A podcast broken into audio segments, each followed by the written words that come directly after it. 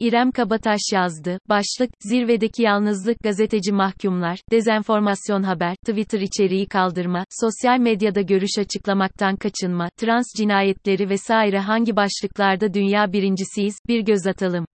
Çok sevdiğim bir atasözü vardır. Aç tavuk kendini darı ambarında sanır.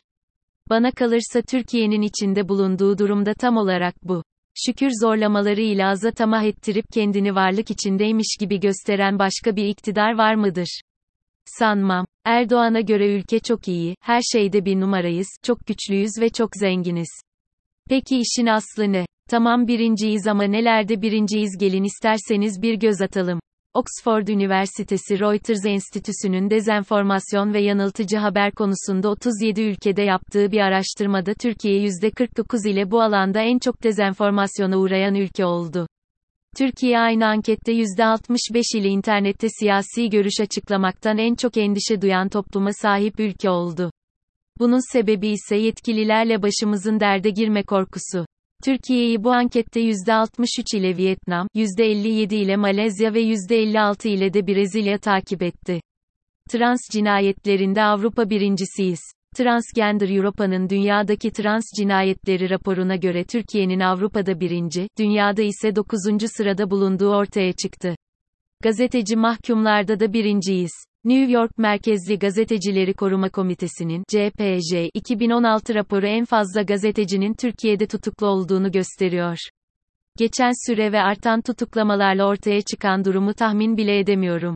Elbette şaşırtıcı olmayan bir şekilde en çok mülteci kabul eden ülkede biziz. Ülkelere göre mülteci nüfusu listesinde ilk sırada yer alıyoruz. En fazla tweet içeriği kaldırma talebinde de dünya birincisiyiz. Hatta siyasiler bunu daha fazla yapabilmek için Twitter'ı Türkiye ofisi açmak için tehdit bile etmişti hatırlıyorsanız. Elbette en fazla antibiyotik kullanma rekorunu da kimseye bırakmayacaktık. Bu konuda da birinci biziz. Global Emotions raporuna göre ise en sinirli ikinci ülke biziz. Her zaman birinciliğe ulaşamıyoruz ne yazık ki. Birincilikle uzaktan yakından alakamızın olmayıp 48. olduğumuz sıralama ise ülkeler arası IQ sıralaması. Görüyorsunuz ki reisi cumhur yine haklı çıktı sayesinde her konumda birinci, her konuda zirvedeyiz.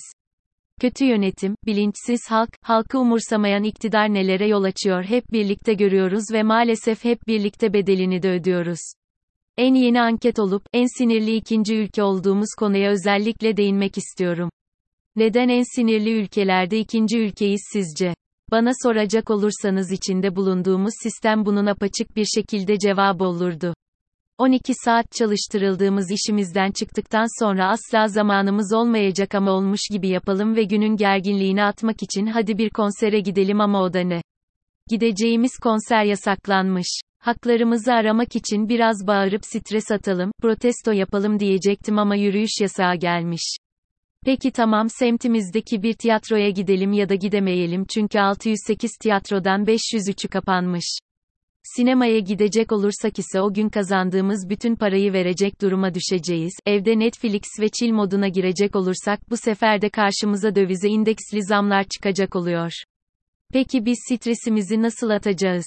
Atmamızın bütün yolları tek tek kapatılıyor ve sonrasında içimizde biriktirip en ufak bir şeyde patlıyor. Normal bir ülkede kimse korna çaldı diye birbirini öldürmez ama her gün korkunç haberlere, kötü ekonomi ve kötü çalışma şartlarına maruz kalıp bir de üstüne yetmiyormuş gibi stresini atması engellenen bir halk bu sinirini, stresini çıkartacak bir yer arar. Tweet atmanın bile gözaltı sebebi olduğu ülkemizde daha çok listelerde birinci oluruz. Zirvedeki yalnızlık da bu olsa gerek. Düşünün. Çünkü henüz yasaklanmadı. George Orwell